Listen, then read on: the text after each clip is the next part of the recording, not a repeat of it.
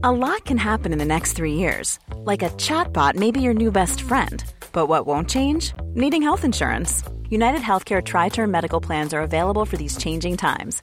Underwritten by Golden Rule Insurance Company, they offer budget friendly, flexible coverage for people who are in between jobs or missed open enrollment. The plans last nearly three years in some states, with access to a nationwide network of doctors and hospitals. So, for whatever tomorrow brings, United Healthcare Tri Term Medical Plans may be for you. Learn more at uh1.com. Quality sleep is essential. That's why the Sleep Number Smart Bed is designed for your ever evolving sleep needs. Need a bed that's firmer or softer on either side? Helps you sleep at a comfortable temperature? Sleep Number Smart Beds let you individualize your comfort so you sleep better together. JD Power ranks Sleep Number number 1 in customer satisfaction with mattresses purchased in-store. And now, save 50% on the Sleep Number limited edition Smart Bed for a limited time. For JD Power 2023 award information, visit jdpower.com/awards. Only at a Sleep Number store or sleepnumber.com. A lot can happen in three years, like a chatbot may be your new best friend. But what won't change? Needing health insurance. United Healthcare Tri Term Medical Plans, underwritten by Golden Rule Insurance Company, offer flexible, budget friendly coverage that lasts nearly three years in some states. Learn more at uh1.com.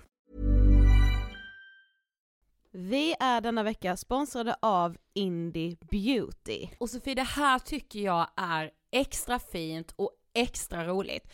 Ja men Indie Beauty är ju ett skönhetsvarumärke som jag tror att väldigt många känner till, men det jag älskar mest det är att Indie Beauty liksom vill vara mer än bara produkter, vilket de ju också är. Exakt, Indie Beauty står ju för Independent Beauty, skönhet på dina villkor och för din egen skull. Och Indie Beauty tror ju stenhårt på ett alternativt skönhetsideal fritt från måsten, skam och känslor av otillräcklighet. Där är jag helt med Indie Beauty. Jag med. Det är så jag vill att skönhet ska vara. Ja men verkligen. Och vet du vad som är nytt för i år Sofie? Berätta. Från och med i år så skänker Indie Beauty 1% av sin försäljning till Suicide Zero, Tjejzonen och Djurens Rätt. Så när man handlar produkter från Indie Beauty så kan man liksom känna att man också ger tillbaka till samhället. Ja, kraften i tillsammans. Ska jag säga en sak nu då, Mm. som jag, det, men det är detta jag är extra glad över.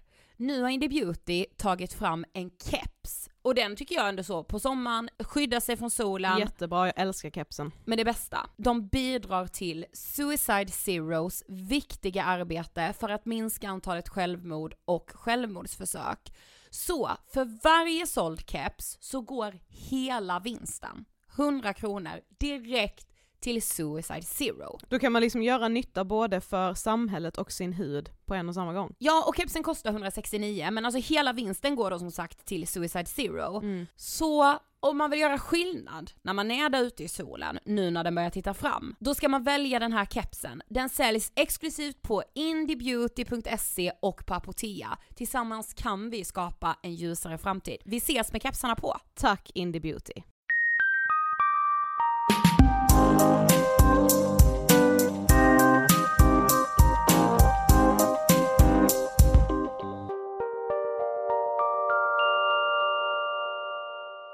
allihopa och varmt välkomna till avsnitt 159 av Ångestpodden.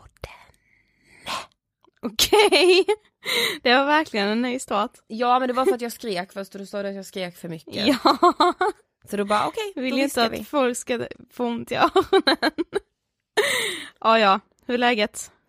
Bra, eller ganska bra. Alltså jag är ju inne på fjärde eller femte veckan med antidepp. Mm. Eh, jag har typ glömt att berätta det i podden kom jag på. Mm. Att jag har börjat med antidepp. Men eh, jag, eh, jag mår faktiskt ganska bra. Mm. Gött. Så jävla skönt kan jag Mm. säga. Det har Ja. inte varit en dans på rosor. Nej, verkligen inte. Nej. Ja men hur mår du? Eh, jo men jag mår bra.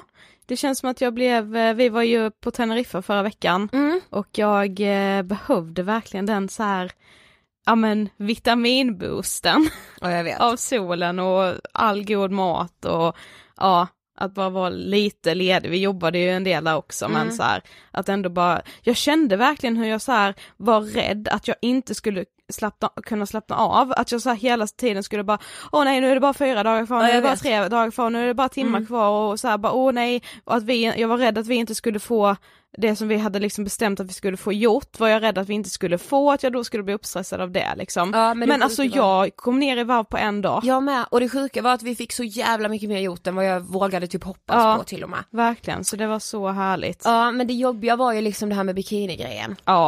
Alltså vi skrev ju om det på vår Instagram och ni var, alltså ni var så fina och relaterade och bara så peppade oss i det. Mm. Det vi snackar om är att vi så la ut en bild på oss själva i bikini, Mm. bara för att det är så jävla laddat. Mm. Och då är vi ändå ganska så här norm, alltså vi passar liksom in i den här jävla normbilden av Ja. hur man ska se ut, som jag hatar mer än någonting annat. Ja, jag hatar ju ordet norm liksom. Ja ja precis, och, men det, den existerar ju liksom. Men ja, men alltså så här, Men ändå är det så jävla laddat. ja men jag har börjat bli så jävla arg på mig själv att jag liksom tillåter mig att hata min kropp när jag ändå är ganska bra in i den mallen, eller vad man nu ska säga. Alltså Ja. så här, jag kan Ja, liksom bli så himla där- frustrerad. Ja nej, ja jag blir mer frustrerad över att jag eh, är rädd för att bli tjock. Ja, Alltså att jag är, eller rädd för att ses som det. mm, Alltså hur kan jag, hur, alltså vad är det? mm, Alltså att så här, att det är liksom fettföraktet som jag någonstans bär på själv i mitt jävla DNA eller någonting. Mm. För att man är så lärd att det finns och alltså det, jag liksom skäms över det själv och jag och måste att verkligen fet och liksom, alltså att, att vara tjock är fel och fult. Jag hatar det. Ja. Alltså det får inte vara så det här Nej. jävla fettföraktet som jag ser. Ja, Ja men som det var på tapeten för ett tag sedan med det här Lukas Simonsson gjorde någon sketch om det. Att så här, ja men det var någon kladdkaka som pratade med honom och så här. Alltså vad är det med, för nej inte med honom, med en kvinna. Ja precis, men han, när han spelar en karaktär då som är Ja. en kvinna med sån här pipig röst Ja, och blond peruk! Ja, och lite dum! För det är ju vi kvinnor! Nej men du vet så här, alltså jag blir ju så irriterad så att jag håller på att Spy. gå sönder alltså. Ja. Och nej men just det här fettföraktet som jag ser överallt och som jag liksom själv då nästan bidrar till. Mm. Alltså det, alltså det, jag tycker verkligen så här, ja men det krävs att det finns så extremt bra förebilder kring det här som pratar om liksom kro- kroppspositivism. Mm.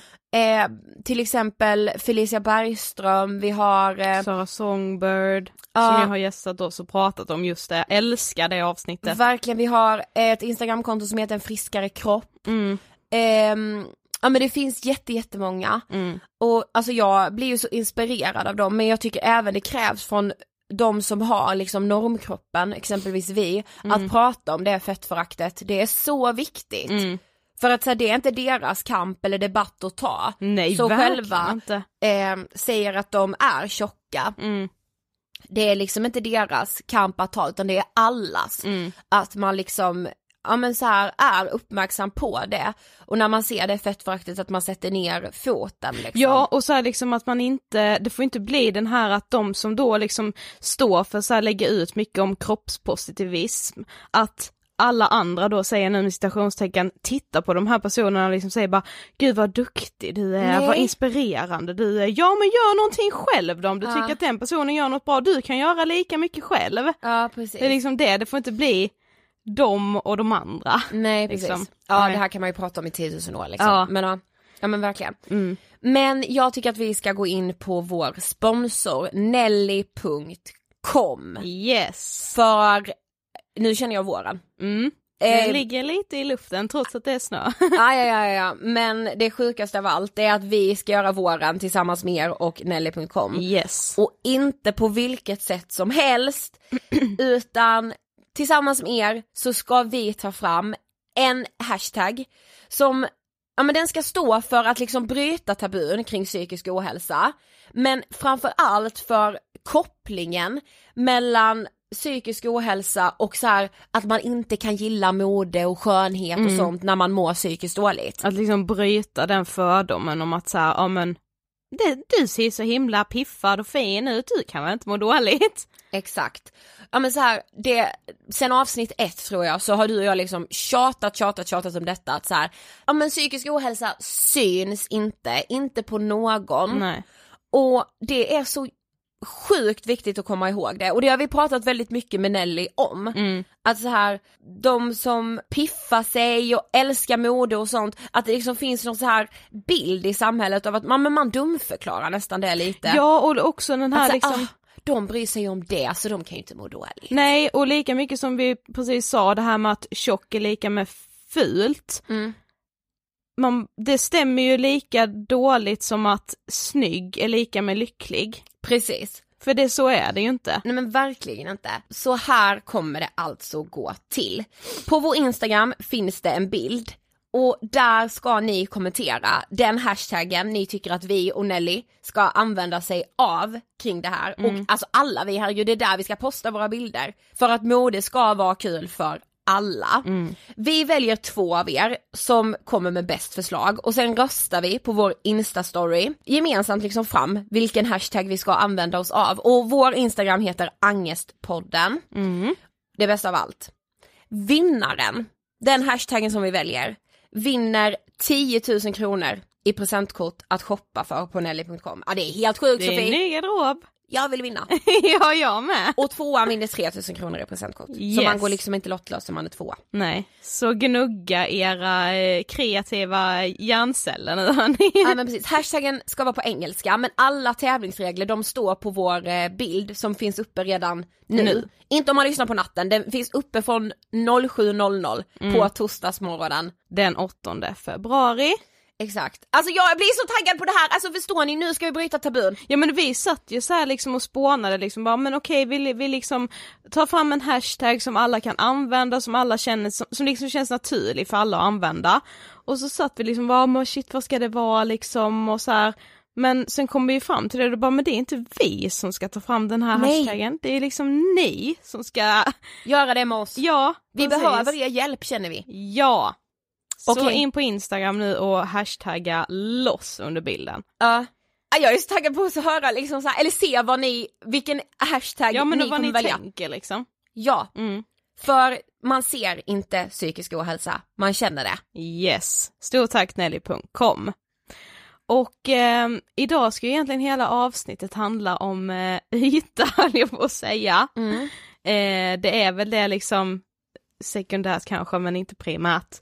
Men eh, idag gästas vi nämligen av Matilda Wahl, som vi ju faktiskt har hissat tidigare i podden. Ja, en underbar människa. Ja, verkligen. Men hon är här i egenskap av att prata om en diagnos som hon har och som ni har önskat sönder och samman. Idag tar vi nämligen upp, som ni såklart ser eftersom avsnittet heter det, BDD eller dysmofofobi som det heter på svenska. Yes, och det är en psykiatrisk sjukdom som innebär att man överdrivet, alltså att man är överdrivet upptagen av någon del av sitt ansikte, att man liksom, alltså inbillad fulhet brukar man säga. Ja man brukar säga inbillad fulhet men det kan ju vara andra kroppsdelar också. Men Ja, och det behöver ansikte. inte vara att man liksom är ful just, men det kan vara liksom så här att eh, ens näsa är ful eller åh det är något fel på min, mina ögonlock typ, alltså man blir så här Precis. extremt upptagen av någon del av sitt, sitt utseende. Och det här känns ju verkligen som en diagnos som ökar. Alltså den känns så, ja men som att den drabbar väldigt, väldigt många med tanke på det liksom samhällsklimat som vi lever i. Sen är det ändå viktigt att så här, bara för att man kanske har en period när man liksom stör sig på någonting eller man kanske ändå är så här, man kanske bryr sig väldigt mycket om sitt yttre och det kan ju vissa göra för att man tycker att det är kul. Det behöver liksom inte betyda bara för att man gillar att sminka sig mycket så har man BDD. Nej, alltså nej. det känns som att så här, det är en liten sån där eh, liksom diagnos som man bara kan börja slänga med bara för Ja, att någon liksom tycker att det är kul att sminka sig och det är ju inte rätt heller. Verkligen inte, det är farligt. Men du, vad står BDD för? Eh, det är ju engelska och står för Body Dysmorphic Disorder. Mm. För vi kommer ju säga BDD i intervjun. Mm. Okej, alltså Matilda är ju en helt otrolig person. Verkligen. Och jag har ju liksom varit så här Instagramvän med henne kan man säga ganska länge. Nu är jag med Och- det! Wow! ja men du vet såhär, jag har följt henne svinlänge känns det som. Och ja men det hon gör liksom för den feministiska kampen och för eh, kvinnors rättigheter, det är otroligt. mm, verkligen. Så jävla roligt att hon även ville komma och gästa och prata om BDD. Mm. Jag tycker inte vi drar ut på det längre va? Nej, vi rullar intervjun med Matilda Wahl om BDD. Varsågoda! Hej Matilda och hjärtligt välkommen till Ångestpodden! Tack så mycket. Alltså du vet det var så härligt att träffa dig idag eftersom när man har blivit så instagramvänner. Ja exakt. Så man du har ju till och med äh. varit veckans hiss i Ångestpodden. Ja det var ju så jag hittade er Exakt. podd för Ja. jag visste inte om den och sen Nej. fick jag veta att jag var veckans hiss och så gick jag in och bara men det här är ju jävligt bra. Ja. Eh, Nej men jag vet det är alltid, det är alltid skitkul att träffas i verkligheten. ja men det är ju det, för jag har ändå följt dig fett länge. Ja. Jag hittade dig genom Beyoncé Björk tror jag. Ja, ja, Ja, det gjorde jag. Ja. Eh, och jag bara, vad fan är det här för något? Jag måste följa. Alltså, helt besatt och sen bara, det här måste vara veckans hiss. Och på den vägen. Eh, nej men du ska få berätta för de som inte vet, vem är du? Oj alltså det där är ju min hatfråga, alltså Mm. vad fan ska man säga? Men ja, jag heter Matilda, jag fyller 26 snart, jag eh, kommer från Stockholm men jag bor i Malmö. Ehm, ja, jag jobbar på ICA just nu Ehm, och annars så Alltså jag jobbar ju inte med men jag lägger ner mycket tid på min Instagram och där satsar jag mycket på så här kvinnors rättigheter och så vidare. Så bra. Alla måste Matilda följa. Wahl. Där heter jag Matilda Wahl, följ mig. Mm, exakt, jag gör det. Vad tänker du på när du hör ordet ångest? Ehm, oj. Ehm, jag tycker att det är så himla svårt att greppa ångest och då har jag ändå haft det under så många år. Ehm, men jag tycker fortfarande att jag har så svårt att så här, säga vad det är.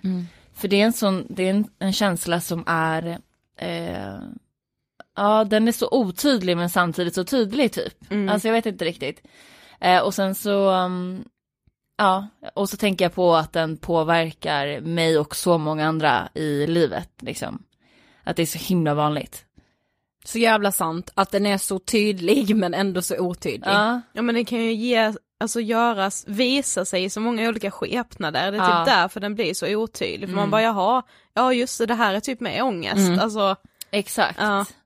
Och sen så kan man få så här fysiska symptom om man tror att man är sjuk eller sådär. Och sen så är det också ångest som sätter sig i kroppen och det är liksom, det är så mycket. mm. Ja. Men som sagt, idag ska vi prata om BDD.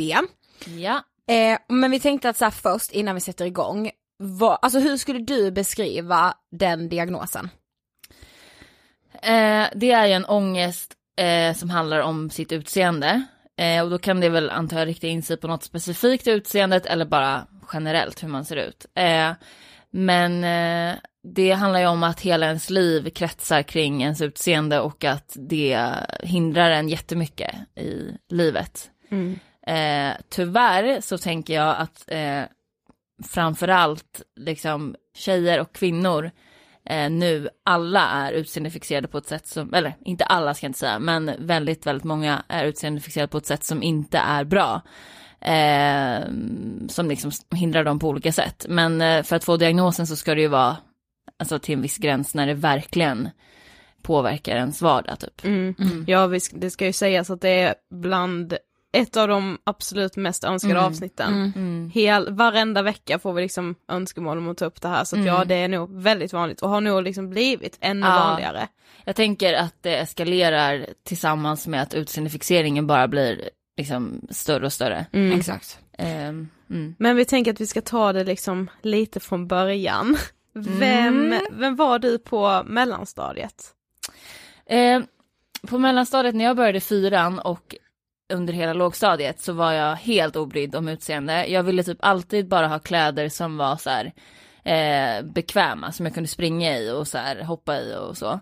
Eh, jag hade alltid tofs eh, och du vet när vi skulle ha så här skolfoto, mamma bara kan du inte släppa ut håret? Så jag bara nej. Eh, och jag vägrade nagellack, allting så att jag var helt ointresserad. Eh, men sen ehm, och jag gick på alla sporter man kan gå på och så här, som jag minns så reflekterade jag inte så mycket över hur jag såg ut, utan det var mest att jag tänkte på eh, att jag ville typ vara snabb eller liksom Mm. sådana saker. Eh, och sen eh, började jag fyran och så långsamt, där jag växte upp så kom det, kom det redan då i fyran. Eh, så här att man, eh, det började bli viktigt att vara snygg. Ehm, och i precis samma veva så började jag få akne. Så här. Ganska grov akne som kom alltså, väldigt snabbt och det blev väldigt mycket. Ehm, så då långsamt så gick jag från den här tjejen som helt obrydd till att bli mer och mer brydd liksom. Och blev också typ retad för min akne. Eh, och då framförallt från så killar som sa taskiga saker och sådär. Eh, och då tror jag att jag förändrades ganska mycket. Eh, för att då försvann typ en del av mig. På ett sätt. Mm. För att jag, jag började känna att det, alltså, det viktiga var att se bra ut. Och, att, och då la jag allt mitt värde där. Mm. Och glömde allt annat av mig. Åh gud, alltså det, när jag hör så här att folk blir retade men för typ en sån sak som akne. Alltså jag, kan, jag vill bara börja gråta. Ja, Alltså, jag jag, jag, vill också sämst. gråta när jag pratar om det. Alltså Ja. det är vidrigt. Mm. Ja. Ja men det är verkligen det. Men grejen var med, för du skrev ett instagraminlägg som vi ju läste. Mm. Och där skriver du så här att någonstans så insåg du att du behövde förändras på grund av att du var tjej. Eller så här, Verkligen. ja alltså berätta mer om det för det är ju så intressant och så samtiden på något Ja, sätt. verkligen. Eh, nej men jag vet, alltså jag reflekterade över det redan eh, då. Eh, redan när jag var liksom 12-13 år. Eh, för att eh, jag vet att så här, det fanns ju ett populärt gäng i skolan, eh, som det gör i alla skolor. Eh, och det var så tydligt att för, som tjej, för att få vara med i det här coola gänget, så behövde du vara snygg. Det var det som, alltså det var enda sättet att ta sig in dit. Medan killarna kunde ju vara liksom bra på fotboll, roliga, eh, alltså lite tuffa, taskiga. Eh, Precis. alltså allt De ifrån ska ju vara tusen så sätt. jävligt sköna. Ah, ja, exakt. Och då, då kan du se ut hur fan som helst. Ja, Exakt. Men du är typ en skön snubbe och då, då får du vara med. Men Mm. det fanns inte en möjlighet för mig. Alltså så här, eh, eftersom att jag hade en aknen och så här, allt det här så, eh, det spelade ingen roll vad jag var, om jag var rolig eller smart eller någonting, det var inte relevant liksom, utan så då, då fanns det ingen möjlighet och jag, jag tror att det börjar redan där för så många att så här, eh, just som tjej att du ska vara snygg och annars så, annars så kommer du ingenstans liksom.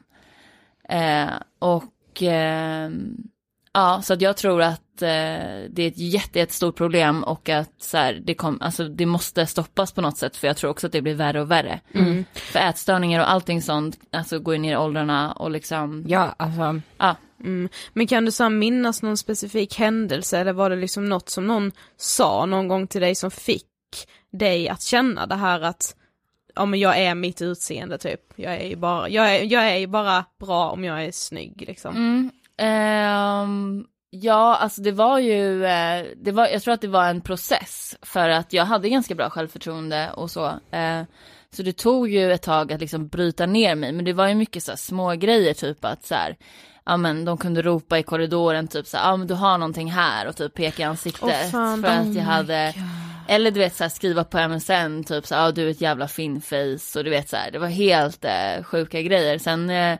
eh, och då allt eftersom så, eh, så, alltså, så känner man ju sig mer och mer värdelös. Det är ju så det funkar liksom. Precis. Ehm, och då började jag försöka täcka det, eh, alltså täcka aknen på alla sätt jag kunde och så gick det också över till allt annat. Att så här, det stannar ju inte specifikt då i min hy utan då blev det att jag hatade hela mitt utseende till slut. Mm. Eh, och i den åldern så tänker jag att eh, man är så påverkbar också, att man formas så mycket. Så att så här, eh, det satte sig väldigt djupt liksom. Men du beskrev också när du skrev till oss att så här, något som vi kunde relatera så extremt mycket till, Ja. just det här med den här bekräftelsen från killar. Hur viktig, alltså när man börjar reflektera själv, alltså jag kan bli så jag skäms för hur viktig och central den har varit och fortfarande är, herregud, Ja. i mitt Ja, liv ja, ja, ja. liksom. Ja men jag skäms ju liksom över att behöva erkänna att så här, en fin kommentar ifrån Ida eller någon annan av mina nära tjejkompisar väger tyvärr inte lika Nej. tungt som om en jävla främling som är då man eftersom jag är heterosexuell betyder för mig om han kommer fram till mig på krogen och säger bara fan vad snygg du är eller bara fan vilken snygg jacka du har på dig, alltså vad som helst men det betyder så mycket mer Ja. och jag skäms när jag säger det men Ja, så här, ja, ja. det är bara att erkänna för det. Ja, jo men det, är också det, det är så vi har lärt oss att det är så. Att så här, hela vår uppväxt så lär vi oss ju att det viktiga är att killar ska tycka om oss och Mm. bekräfta oss och eh, eh, det är liksom, det blir ju prio och sen Precis. sitter det så djupt rotat så även om man har liksom en analys och förstår att det är fel så, så är det så man känner. Ja men exakt. Men jag tänker Ehm. att det måste du ju verkligen känt väldigt starkt, alltså Ja. redan då. Mm. Att så här att, ja men så här kunde du känna att du verkligen sökte den bekräftelsen Ja, av och jag, det, killarna. var dest, alltså, det blev ju destruktivt. Mm. Eh, för att eh, då ville jag ju, eftersom att jag fick så mycket skit av killarna i skolan och så här, så ville jag ju söka bekräftelse på annat håll. Så jag Mm. var liksom på nätet eller så här, eh, om det var någon så här äldre man som typ tittade på mig på stan på ett, så här, ett sätt, så blev jag jätteglad och liksom Mm. stärkt av det i stunden. Det är ingenting som direkt varar. Hiring for your small business? If you're not looking for professionals on LinkedIn, you're looking in the wrong place. That's like looking for your car keys in a fish tank. LinkedIn helps you hire professionals you can't find anywhere else, even those who aren't actively searching for a new job but might be open to the perfect role. In a given month, over 70% of LinkedIn users don't even visit other leading job sites. So start looking in the right place. With LinkedIn, you can hire professionals like a professional. Post your free job on linkedin.com/people slash people today. One size fits all seemed like a good idea for clothes Nice dress. Uh, it's a it's a t-shirt. until you tried it on. Same goes for your healthcare. That's why United Healthcare offers a variety of flexible, budget friendly coverage for medical, vision, dental, and more. So, whether you're between jobs, coming off a parent's plan, or even missed open enrollment, you can find the plan that fits you best. Find out more about United Healthcare coverage at uh1.com. That's uh1.com. Hey, it's Ryan Reynolds, and I'm here with Keith, co star of my upcoming film, If, only in theaters, May 17th. Do you want to tell people the big news? All right, I'll do it. Sign up now and you'll get unlimited for $15 a month in six months of Paramount Plus Essential Plan on us. Mintmobile.com slash switch. Upfront payment of $45 equivalent to $15 per month. Unlimited over 40 gigabytes per month. Face lower speeds. Videos at 480p. Active Mint customers by 531.24 get six months of Paramount Plus Essential Plan. Auto renews after six months. Offer ends May 31st, 2024. Separate Paramount Plus registration required. Terms and conditions apply if rated PG. Nej. Men eh, eh, så det blev ju destruktivt och jag eh, sket ju i mig själv och vad jag ville. Under flera år sedan, typ så här, jag vet inte från att jag var typ 16 till 18, så var ju jag, eller ja 15 till 18, eller ja ännu tidigare, men, men då var jag liksom att så här, eh, men jag låg med killar och sånt fast jag inte ville för att så här, alltså för att jag vill ha bekräftelsen och för att jag ville så här att de skulle eh, liksom, ja men tycka att jag var nice typ och det var det viktigaste. Mm. Eh, och det, är- alltså när jag tänker tillbaka på det så är det så jävla vidrigt och det är så jävla vanligt. Ja, Alltså, helt sjukt. ja. Men var det bara killarna som eh, så här mobbade dig för din akne? Ehm, ja, det var det som aktivt här, sa saker, men med tjejerna var det mer att de försvann ifrån mig. Alltså så här, mina gamla vänner och sånt eh, var ju inte mina vänner helt plötsligt. Alltså, de, eftersom att de hängde, många av dem hängde med de här killarna och det här gänget så, ehm, så var ju inte, då var inte jag intressant att hänga med längre, så på så sätt, men eh, de sa inga, inget sånt så här, direkt. Nej. Eh, Men liksom den här mobbningen och utfrysningen eller vad man ska kalla det då, pågick till typ andra ring på gymnasiet. Nej, den pågick till eh, nian och sen Ja. mellan nian och eh, första ring i gymnasiet så hade jag inte en enda kompis, alltså inte en enda vän. Eh, och då, men eh, då typ så här började jag jobba och typ hängde med min familj och så här. Eh, och sen började jag gymnasiet, då fick jag ju nya vänner och liksom, eh, ja men började på nytt typ. Ehm, så det var ju egentligen då som, ja, som det förändrades. Ehm, Men det där levde ju kvar. Ja. Alltså, så, ja, mobbningen pågick ju från ja, men femman till nian. Typ. Ja. Men hur blev livet sen då, liksom, när du började gymnasiet sen? Eh, jo men då fick jag ju kompisar och sådär men det här, alltså allt det här var ju kvar i mig liksom så att då var jag ju fortfarande jättedestruktiv med killar. Ehm, och, ehm, och utsatte mig för dumma saker och liksom, eh, ja jag, alltså jag tror så här att jag hade inget, jag la inget värde i mig själv riktigt. Eh, och det, det, jag tror att det är det som händer liksom. Ehm, men sen, sen fick jag ju då Roacutan som är en stark medicin mot akne. Eh, och då försvann aknen. Eh, och det var ju jättebra för mig, eller liksom Eh, men det var ju också på ett sätt så blev det nästan värre då med den här utseendefixeringen för att så här, då förändrades det för mig för att då sågs jag på ett annat sätt helt plötsligt. Och fick en annan typ av uppmärksamhet och så här, eh, ja men att jag såg, att jag, det blev så tydligt vad, vad skillnaden var på att anses som snygg och inte snygg. Eller liksom, Mm.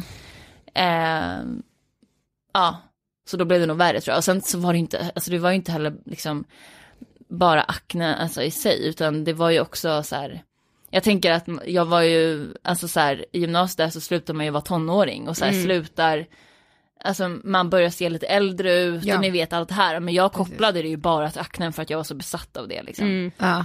Eh, ja. Ja men det var intressant för du beskrev det när du skrev till oss att så här, ja men det var som att du, att det blev ett annat liv liksom. När du helt plötsligt ansågs vara snygg. Ja. Eh, ja men det är så sjukt. ja, det är helt vidrigt, jag vet. Att, alltså, att det liksom blir sådär. Men, men jag tänker så här, var det liksom, ja men hur kände du att du var snygg? Alltså förstår du vad jag menar? Mm, ehm, Alltså var det typ genom bekräftelse då från killar eller från? Ja, mycket det. Ja. Eh, var det ju. Att det blev en helt annan typ av bekräftelse. Eh, men också tror jag, alltså också att, alltså generellt att man som tjej, alltså det är så viktigt att se bra ut så man, man får en annan status typ. Alltså Mm, generellt typ i samhället liksom. Eller alltså jag vet inte, det är svårt att förklara men och, och sen så var det också mycket i mitt huvud att jag Ja, ja. kände mig eh, bättre och allt det här och liksom av, av den anledningen blev eh, gladare och så här. Men då blev det ju ännu läskigare för mig det här med utseende och ännu mer fokus på det. Mm. Eh, så det var ju, blev ju också dåligt. Ja för jag tänker så här, man brukar ju liksom säga om BDD att det är så här inbillad fulhet. Ja. Men skulle du säga liksom att, alltså så här, när du tittade dig i spegeln, även, i, även då när liksom aknen var borta, Mm. kände du dig fortfarande ful? Eller är det mer den här jakten på att jag kan bli ännu snyggare? Ja, jo men det märkte jag ju för att när den var borta så hittade jag ju andra saker. Ja. Ehm, och det är det jag menar att ehm, det handlar ju inte om det. Det är ju precis det som jag tycker är så himla viktigt att få fram typ till unga tjejer och sådär att så här, eh, hur mycket den håller på att fixa och ändra och, och så här, det kommer inte, det kommer inte bli bättre för det handlar om det handlar om, alltså det låter så jävla töntigt, men det handlar ju faktiskt om att typ värdera andra sidor hos sig själv. Mm. Eh, och att, ehm, för att ju mer också, jag tänker så här, ju mer man håller på och ändrar och fixar, ju mer besatt blir man ju. Ja. Alltså desto värre blir det. Det är därför jag, jag vill liksom inte, jag vill inte operera mig eller så, alltså för min del så vet jag att det skulle bli värre. Mm. För att då skulle jag tänka ännu mer på mitt utseende. Mm. Så därför har jag bestämt att jag ska inte göra någonting. Även ifall, alltså finns det ändå saker så här som du skulle vilja Ja, göra? det finns men, jättemycket jag skulle vilja göra. ja. Mm. men här då när liksom utseendet började betyda allt, Mm. hur, hur såg ditt liv ut då liksom? Hur gick tankarna? Jo, alltså då under en period där var det okej, men sen så började ju lite av aknen komma tillbaka, för det är ju så det är. Alltså så här, eh, eller då fick jag finnar typ, men innan Mm. hade jag haft liksom bölder i, i hela ansiktet. Mm. Eller bölder, men alltså ni förstår vad jag menar. Ja gud ja vi vet, vi har Ja, men vi har gått igenom det här. problem med Ja. höjd, Ja. så. Eh, men då började jag få lite finnar så här. Mm. Eh, och då var det som att det blev, alltså det blev som katastrof för mig. Alltså jag kunde liksom inte släppa det, jag mådde så dåligt, jag fick så här ångestattacker och jag var, för det var som att jag gick tillbaka till femman typ. Alltså Ja. så fort jag såg en finne och liksom jag fick sån panik och så här. Eh, och jag krävde ju Roakutan tre gånger. Alltså och Oj. det ska man inte kunna göra för det är en jätte- jättestark medicin. Mm. Och eh, de två andra gångerna som jag tog det så hade jag inget behov av det. Men liksom jag mådde så dåligt så att jag var så här, eh, jag tvingade ju läkaren. Alltså så här, och jag var ju, ehm, alltså jag kände så här, för jag vet ju att det är en, en, en medicin som man liksom ska vara försiktig med. Men det var som Ja. att det sket jag fullständigt i. För det var så här, det viktigaste är att det här inte kommer tillbaka och Mm. att jag får, alltså så här, det, det fanns inget viktigare och det är det som jag kan kolla tillbaka på nu och se att så här, det är ju helt sjukt. Ja. Att så här, det gick före allt. Eh, ja. Men är det inte helt sjukt att läkaren ändå, alltså så här, Jo det är helt sjukt för att det är fan också sjukt. Ja men det är för att det var en så här gammal gubbe typ som så här hade jobbat med det där lite för länge för det, de flesta skulle ha vägrat. Liksom. Ja. Ja det är det jag tänker. Ja, men han eh, gick ju med på det. Ehm, så tre gånger gick jag på det. Ehm, Ja. Och, Eh, och sen även efter det så var det som att jag, och då, det var, för det var en period när det liksom eskalerade. Och då var det att så här, jag undvek vissa ljus för att jag tyckte att det syntes. Eh, jag ville liksom inte typ träffa folk på dagen. Eh, alltså allting kretsade ju kring det. Eh, så jag kunde ju verkligen, alltså jag levde ju inte ett normalt liv liksom. Men var det liksom ingen som märkte det? Alltså visste folk hur utseendefixerad du var? Eh, alltså det är ju det också eh, med utseendefixering, att det hånas ju ganska mycket. Ja. Ja, Att det är ju som en grej som man skämtar om och det kunde jag Ja. uppleva att, så här, eh, att folk runt omkring mig var så här, "Ja, men du är så fixerad och du ska sminka dig så länge och Ja, du ja. kommer inte iväg och, och Ja, det mådde ja. jag skitdåligt av för jag hatade ju att det var så. Det, jag ville ju bara komma ifrån det men jag kunde inte. Alltså så här, det var ju inte som att jag sminkade mig för det var kul utan det var ju för att jag kände mig tvingad. Precis. ja men man Eh. vill ju vara den där härliga tjejen som kan liksom dra till stranden helt osminkad Ja, ja, ja. liksom. Eller? Exakt. För alla killar tycker det är så nice. Ja, men alla killar är naturliga tjejer. tjejer, Ja. alls. men, men liksom så här, eh, ja så att det var ju mycket eh, att det blev som ett skämt och det var ingen tror jag som så här, alltså jag hade ju en flickvän då och hon märkte det ju för vi bodde ihop. Ja. Så då var det ju liksom svårt att dölja, eller hon var så här det här är sjukt liksom. För jag kunde ju bryta ihop typ och bara, ah gud jag, det är så mycket, jag har så mycket akne nu, jag vet inte vad jag ska göra. Hon var så här, du har typ ingenting, vad, vad snackar du om liksom? Ja. Eh, och eh, till slut, för jag pratade med en kompis eh, och hennes pappa är psykolog och då pratade hon om den här diagnosen så bara kände jag igen mig i allt så här. Eh, och då så tipsade hon mig om vad jag skulle liksom söka för att få hjälp typ. Eh, och då eh, gjorde jag det och då fick jag diagnosen ganska direkt typ. Va- Och vad sökte du upp då? Jag har sagt på Karolinska, de har en så här specialavdelning för eh, BDD.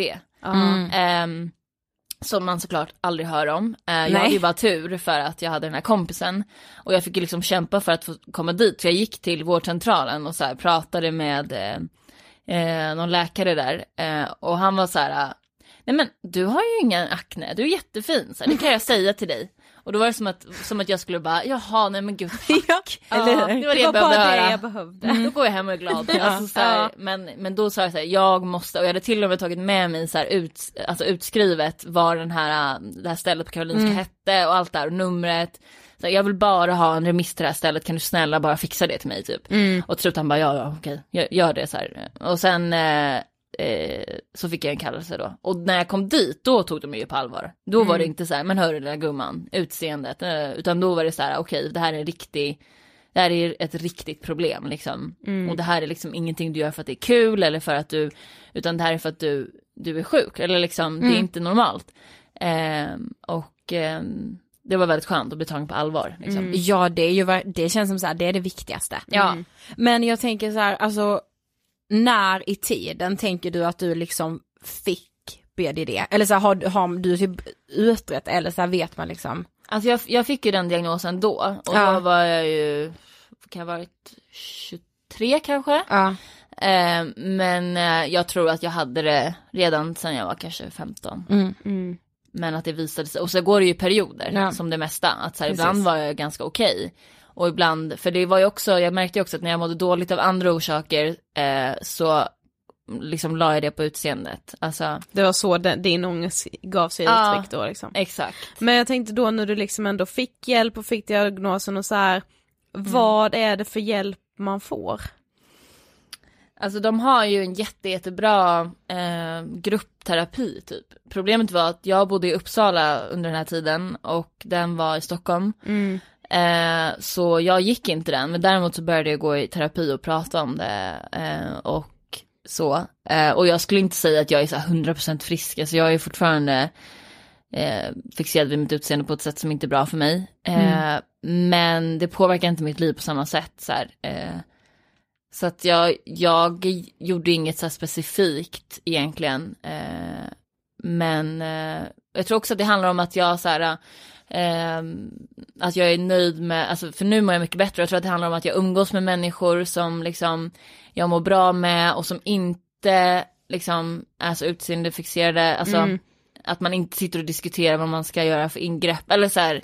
Eh, och att eh, vi fokuserar på andra saker, vi försöker, vi försöker eh, liksom berömma varandra för vad vi gör och att man är smart och att man är duktig på det, man, alltså sådana saker. Eh, och det hjälpt mig jättemycket.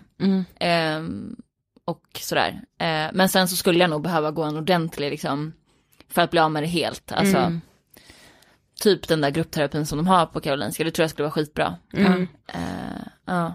Men det där tror jag är jättebra, alltså som du säger, att man istället, alltså det kan man ju liksom alla göra, att så här, men shit vad berömmer jag mina vänner för? Ja. Är det liksom, ja men mest utseende, så, alltså så här, Mm. för jag tror inte man ens tänker på det själv, jag gör inte det. Nej, Nej. inte jag heller. För det är ju så lätt att Ja. såhär, bara, "Åh, gud vad fin du är i den färgen, eller wow Ja, ja. de jeansen, din rumpa, alltså såhär, Ja, och, och man blir ju skitglad. Alltså jag, tycker Ja, jag ja, blir ju hur glad som helst. Jag blir, jag, det, jag blir ju typ gladare om någon kompis berömmer mig för mitt utseende än för någonting annat. ja men det är det som är så. Ja, det är man det säger så såhär, vadå jag vill ju hellre höra att jag är smart. Ja. Men det vill man ju Nej, det typ vill man ju inte. man vill ju Nej, verkligen det vill åh jag vill verkligen att folk ska tycka att jag är intelligent. Ja. Det är liksom Men om någon så. säger det man bara, om en kille skulle säga det skulle jag bara, Tycker du jag är eller? Ja precis, är jag inte snygg eller? Nej men exakt. Nej, men alltså, ju, ja. men jag tänker att så här, i, i längden så kanske det påverkar att man får höra andra saker. Exakt. Ja. Men just i stunden så, för att när man, i stunden, när man, alltså jag tänker så här, när man får höra att man är snygg, man blir skitglad i stunden. Men eh, i längden så leder ju det till att man också tänker mer på sitt utseende. exakt. Mm. Ja, jag vet inte, jag tycker det är så jävla svårt. Ja men det är Ja. svårt. Men jag tänker så här, alltså hur mycket betyder ditt utseende idag? Alltså den frågan låter ju konstig, men alltså så här. Påverkar liksom ditt utseende, har det mycket påverkan på hur du mår? På, Ja. Alltså sådär. Ja. Ja. Alltså, eh, jag skulle liksom ljuga om jag sa någonting annat. Alltså, eh, verkligen. Alltså om jag känner mig Mm. snygg så mår jag mycket bättre. Eh, men jag tror typ att det är väldigt svårt att inte känna så Ja. för att vi lever i det samhället vi lever i. Mm. Exakt. Eh, Ja det behöver inte vara diagnos, alltså så här. nej, precis. exakt. Alltså- Eh, precis. Eh, men, men det är ju vidrigt att det är, alltså, att så jävla många, eller jag skulle säga 99% av typ alla tjejer i vår ålder Mm. lider av det här på något sätt. Mm. Ja. Eh, och det är bara, ja, det är hemskt. Men har du några så här grejer som du kanske försöker göra? Alltså jag hatar ju den här bara, men man ska titta sig själv i spegeln och Nej. säga att man är vacker. Nej, nej, nej, jag nej. klarar inte av Nej, men sånt, vad- liksom. vad det är är det säkert för jättebra, något? funkar Alltså, säkert ja. för många men jag, tyck, jag klarar inte av sånt. Men så här, har du liksom något tips? Jag tänker ifall någon lyssnar som verkligen känner igen sig i allt du har sagt nu som också kan liksom titta sig i spegeln och verkligen inbilla sig den här fulheten. Ja. Hur tänker du de dagarna när det liksom är som värst? För att försöka liksom vända på den här onda spiralen på något sätt. Eh, jag försöker faktiskt tänka på annat med mig. Alltså det är skitsvårt, det är inte som att jag bara, men jag, jag är ju smart och sen glömmer bort det. Nej. Men att jag försöker fokusera på det, typ inte stå och spegla mig för det tjänar ingenting till, alltså bara låt det vara. Ehm, och eh, liksom, typ jag försöker om jag har möjlighet så här, hänga med mina kompisar, göra någonting liksom avslappnat och kul. Ehm, och ehm, också typ försöka också tänka på det här så att man inte också så här, skammar sig själv för det. Att försöka tänka på att så här, tyvärr så ser samhället ut som det gör och Mm. det är väldigt svårt att inte känna så här. Att man inte dessutom ska skämmas. Alltså, eh, så. Mm. Det är väl typ det. Absolut inte ställa mig framför spegeln och säga. Alltså, nej, nej. Nej. Det, eller det kanske funkar för någon, jag ska inte, men för mig funkar det inte. Nej, nej, alltså, jag har inte aldrig provat ens tror jag. Nej, nej men det, man har bara sett och läst och hört Ja. och så bara, det ska ja, jag ja, göra men man bara, nej jag kan inte ens tänka mig. va? Typ såhär veckorevyn. ja, Ja men verkligen. Har ett litet tips här. Ja. Okej vi har kommit till sista frågan. Okej. Vad inspirerar dig? Alltså det är ganska mycket som inspirerar mig men ehm, jag, alltså det inspirerar mig jättemycket med kvinnor som tar plats på annat sätt än utseende. Sen så är det inget fel med att liksom ta plats med ett utseende, det är inte det jag menar, men som gör andra saker för då vill jag också göra det. Mm. Ehm, så att så här, det är också ett tips att försöka så här, följa på sociala medier, liksom följa olika slags kvinnor som gör olika saker. Ehm, för det är jätteviktigt, det har hjälpt mig jättemycket. Ehm, så det inspirerar mig för att så, det vill jag också göra. Jag vill också komma till en punkt där jag värderar eh, andra sidor hos mig själv högre. Och där jag kan liksom på riktigt typ jobba och fokusera på det som jag vill göra. Eh, och att utseendet är så här, ja ja, Ja, precis. Det sekundärt, kan jag väl liksom. hålla på med ibland. Men Ja, fan bryr sig, typ. Tack så jättemycket för att du vill gästa Ångest för den. Tack så mycket.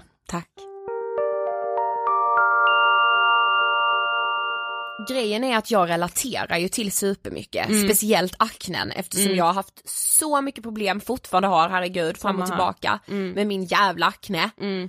Eh, och man, men så här. nej jag skulle inte säga att jag har dysmofobi eller BDD, men att ha akne är så jobbigt och man är så rädd att mm, så många ska tycka att man är äcklig eller så här. Mm. för man kan ju inte hjälpa det, det är liksom en hudsjukdom. Ja, och det kommer inifrån liksom. Det handlar ingenting om att man inte liksom tar hand om sin hygien. Nej eller att man typ så äter fel, så Nej. man får höra att man kan äta bort sin akne. Ja, Alltså så här, nej det handlar inte om det, nej. har min hudläkare berättat för mig. Mm. Ja men. Ja, men så här, man sitter och bara, vad gör jag för fel? Ja. Alltså, Varför är jag så äcklig? Det är Precis. ju ändå det man tänker om sig själv. och det med är så intressant som vi pratade om med Matilda, att det här, ja men just killars bekräftelse, Mm.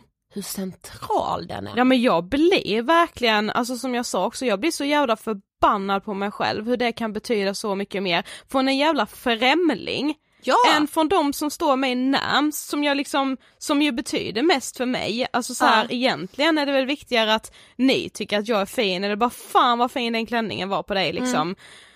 Men jag är hemskt ledsen men det biter inte. Nej men så här, Ja, men jag vet. att jag blir glad om du säger att en klänning är fin och vi ska ut men så här, ja det gör ju inte, det, det höjer ju inte mitt självförtroende den kvällen. Nej för man är så programmerad i att så här, du är tjej och Mm. du ska vara fin för killarna och de ska berätta det för dig för då duger du. Ja precis. Alltså det är jätteobehagligt att det är så. Ja men och just det här med, med att man liksom om jag liksom får frågan så här, bara, men vad, vad vill du liksom att en kille ska se eh, hos dig eller i dig och så här. Jag, jag har ganska länge sagt liksom, det känns som att jag har sagt det hela mitt liv så att ja men jag vill verkligen uppfattas som liksom intelligent, Ja. Ja. charmig, härlig, så här, ja, men skämtsam och liksom lätt att prata med. Men det är ju inte det jag bryr mig om. Det är bullshit. Ja det är sån jävla bullshit, det låter så jävla bra att säga det och jag önskar så mycket att jag menade det när men jag precis. säger det. Men, Men det som, gör jag inte. som jag sa i intervjun att så här, fast nej egentligen vill man ju höra att man är snygg, sexy. Ja, Vad är det? jag vet inte, jag vet inte. Nej.